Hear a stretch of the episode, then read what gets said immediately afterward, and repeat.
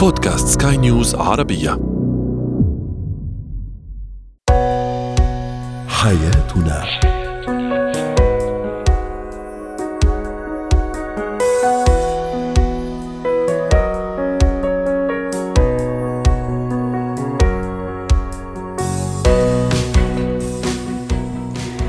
معكم آسيا البشارة أحييكم وأرحب بكم في حياتنا. نناقش فيه شؤون حياتكم بكل تفاصيلها ومختلف مجالاتها. زواج الأقارب متى ينجح ومتى يفشل؟ طرق التعامل مع الطفل الذي يفشي أسرار البيت؟ ومهارات التخطيط لأهداف السنة الجديدة؟ مواضيعنا اليوم في حياتنا. يمكنكم الاستماع إلينا في أي وقت ومن أي مكان عبر موقع سكاي نيوز عربية ومختلف منصات البودكاست.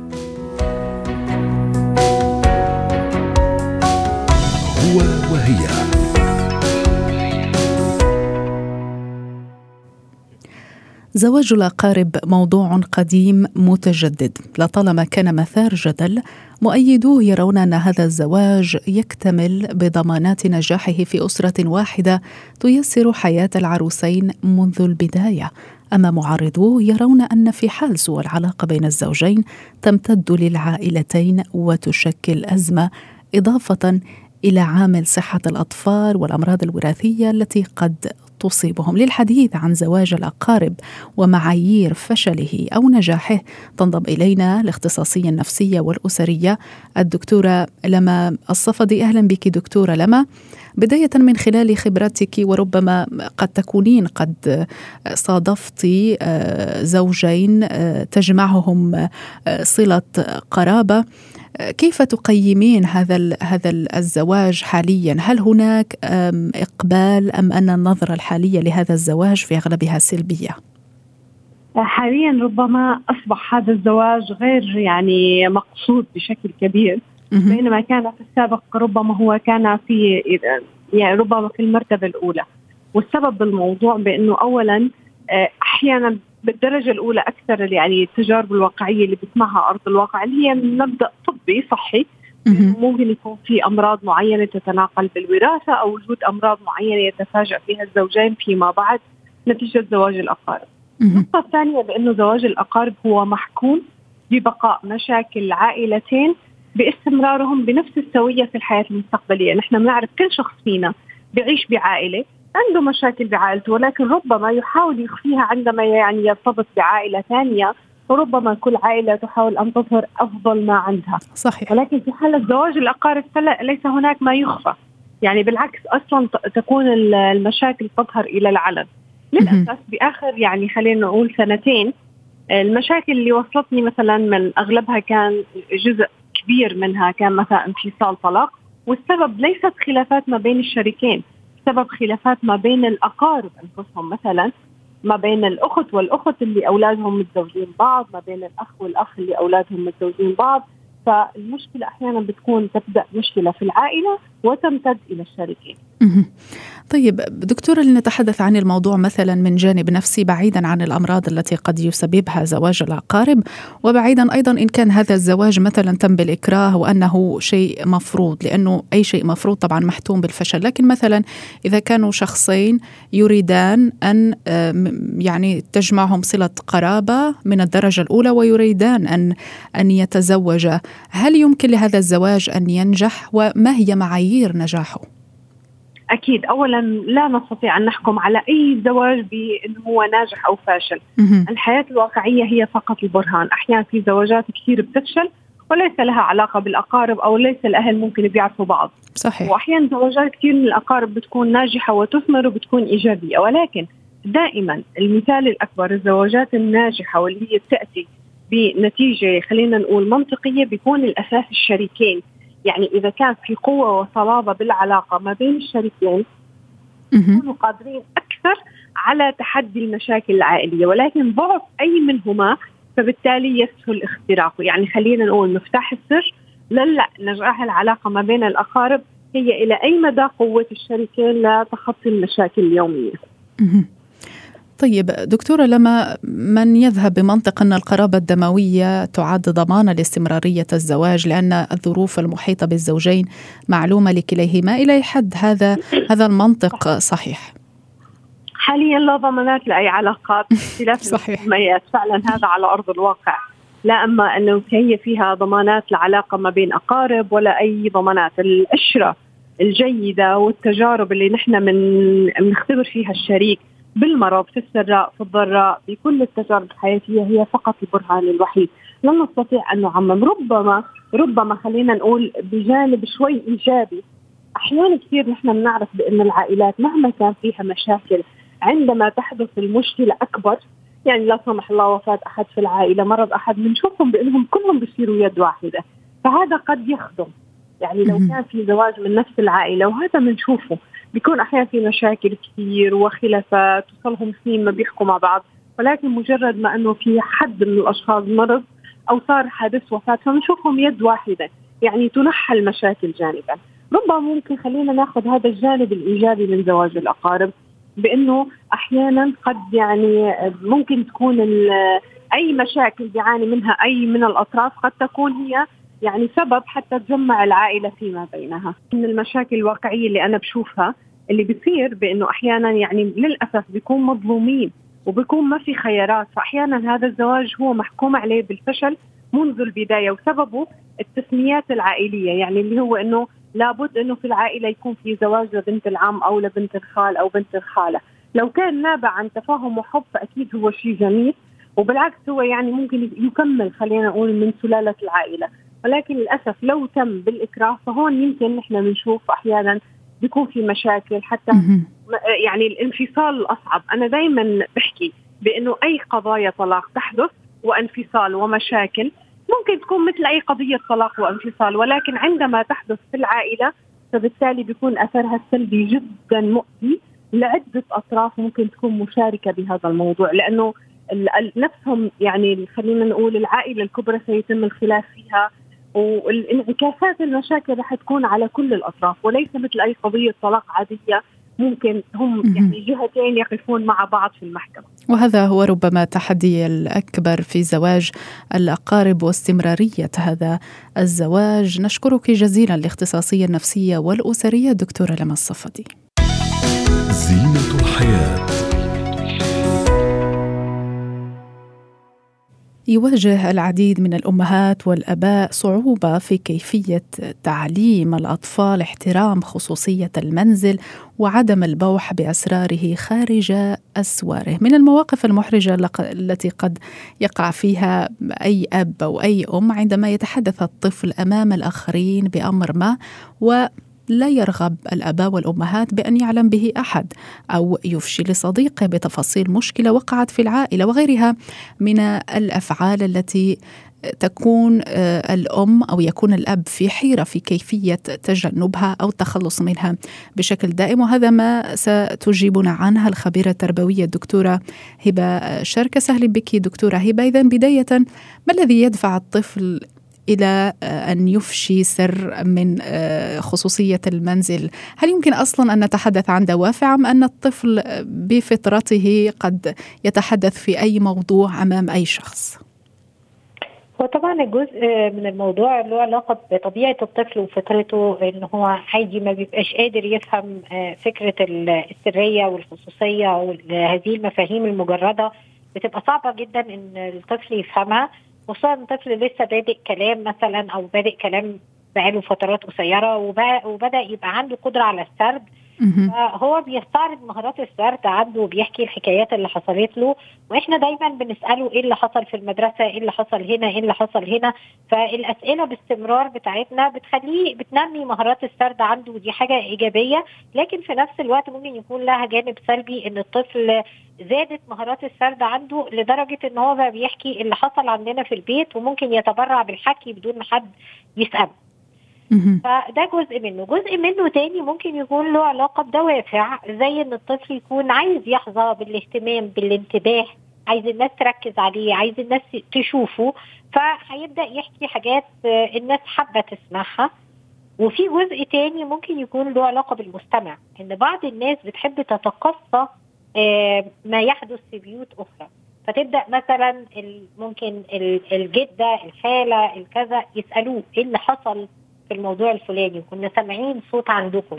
ممكن جاره ممكن يعني بعض الشخصيات الفضولية اللي موجودة في الحياة في الحقيقة ممكن كمان يساعدوا الطفل وينموا عنده هذه العادة السيئة.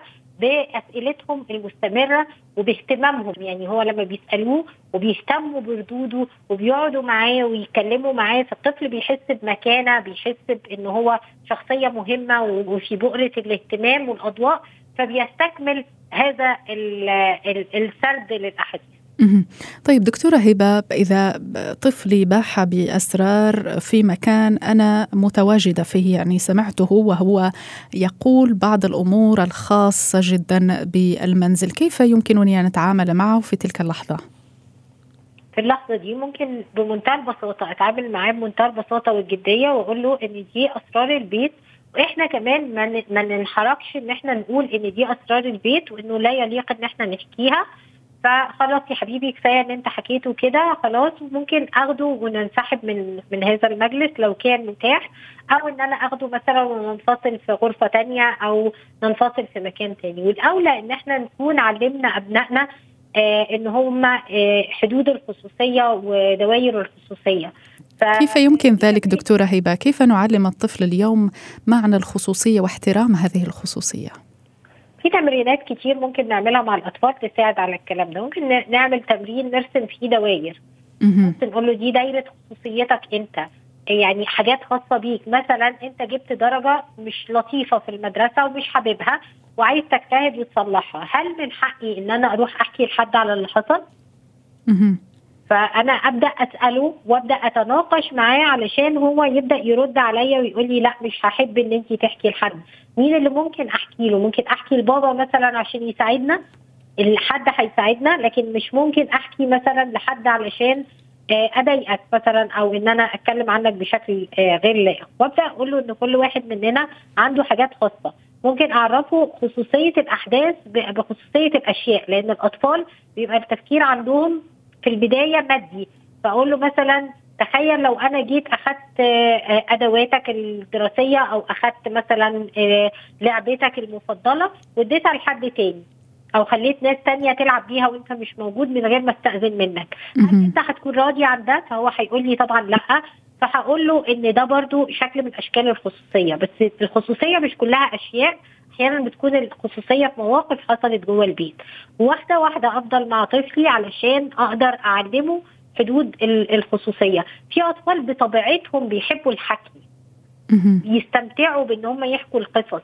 ف وبيبقى لهم أسلوب في الحكي كده جميل برضو ومنمق. فطبعا دول بيكونوا أكثر آه، حكيا. فهنا مهم كمان إن أنا آه، يعني أخليه ممكن تحكي قصص شخصية حصلت معاك أنت لكن ما تحكيش عن حد. يعني ممكن تحكي عن حاجة حصلت مع صديق لو كانت برضو أعرفه إيه حدود اللي هو يحكيه وايه اللي ما يحكوش لأن ممكن حاجة حصلت مع صديق بس الصديق ده يتضايق إن أنت حكيتها. طيب دكتورة آه، نعم. طريقة القصص كمان إن أنا أحكي له آه، حواديت لو كان صغير خمس ست عشر سنين ممكن أحكي له حواديت وأوري له الآثار السلبية المترتبة على إفشاء الأسرار.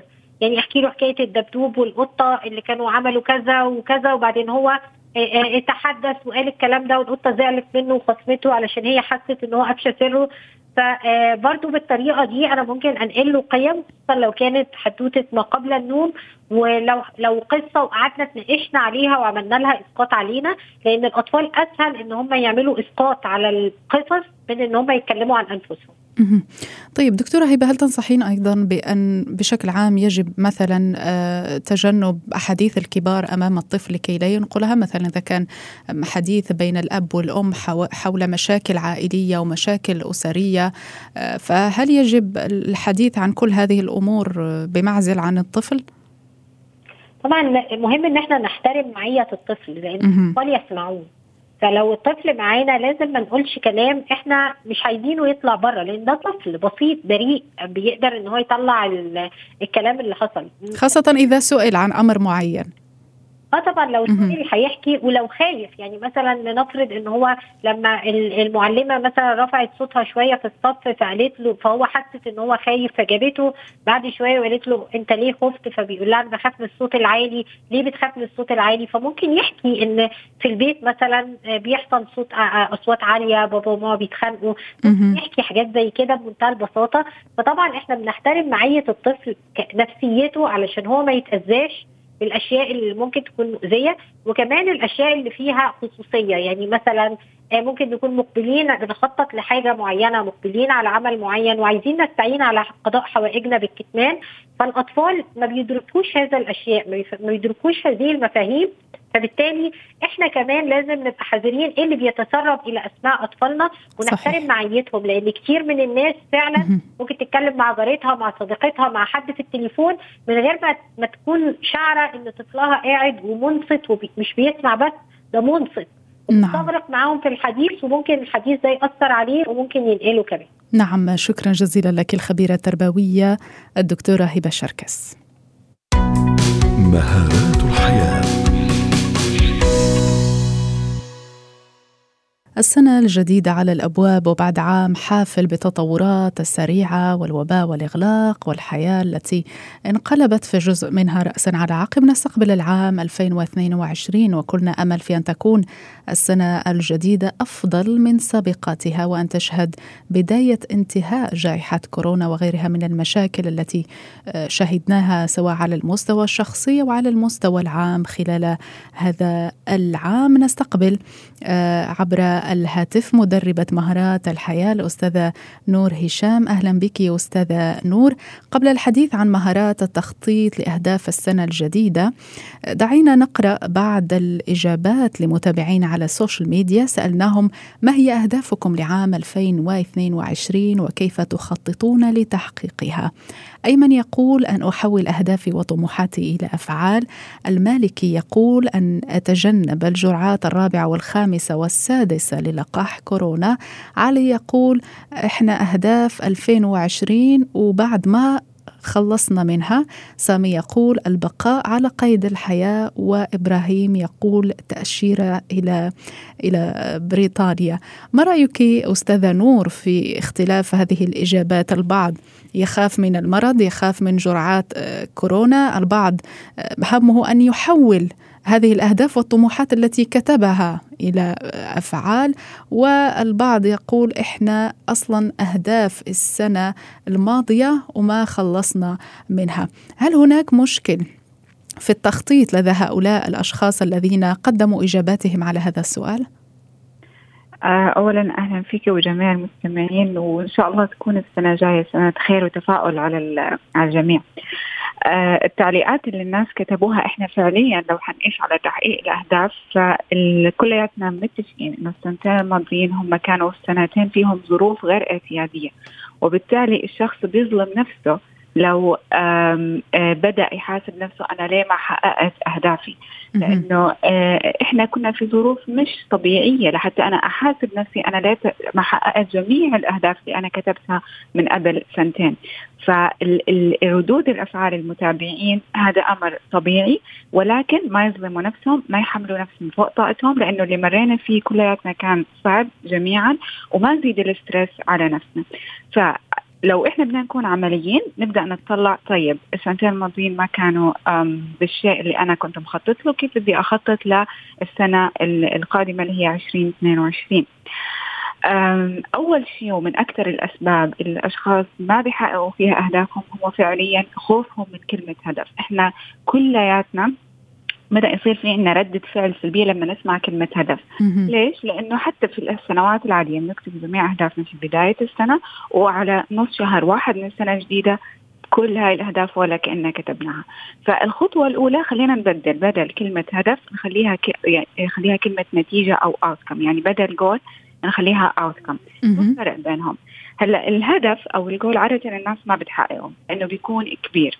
النتيجة إحنا على جميع الأحوال حتى لو أنا ما وصلت للهدف أنا في عندي نتائج. بمعنى لو شخص وضع في بداية العام إنه هو بده ينقص من وزن معين هو حابب آه، في الجانب الصحي تبعه. هلا ممكن تنتهي السنة هو ما نقص هذا الوزن اللي هو كتبه في بداية السنة ولكن فعليا هو حقق نتائج.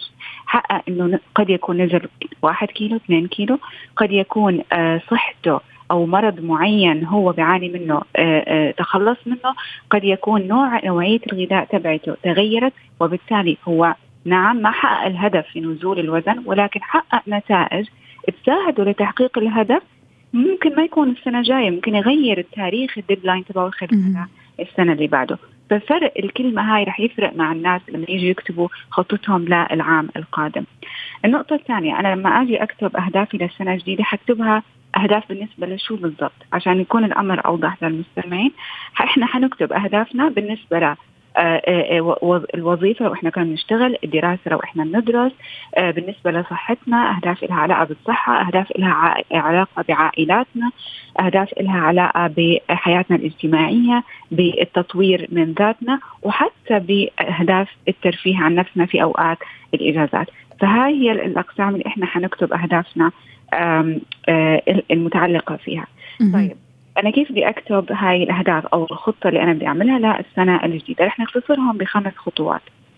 الخطوة الخمس خطوات يبدأ كلهم بحرف السي بالإنجليش وحنحكيها بالعربي. الخطوة الأولى هي الكابتشر بمعنى أنه أنا حقعد على ورقة وقلم أكتب كل الأفكار آه، آه، آه، اللي أنا بدي أحققها السنة الجاية كل النتائج اللي بدي أحققها كل الاحتياجات اللي أنا عندي إياها للعام القادم راح أكتبها كلياتها أطلعها من عقلي أخليها قدامي على ورقه نعم. فاول شيء الكابتشر. النقطة الثانية كرييت اللي هي بمعنى إني أنا راح أضع خطة لهاي الأهداف والحاجات والأمور اللي أنا بدي أحققها. وأول خطوة في إني أضع خطوة إني أحول في بعض الأشخاص من المتابعين كانوا كاتبين كان عندنا امنيات وما حققناها.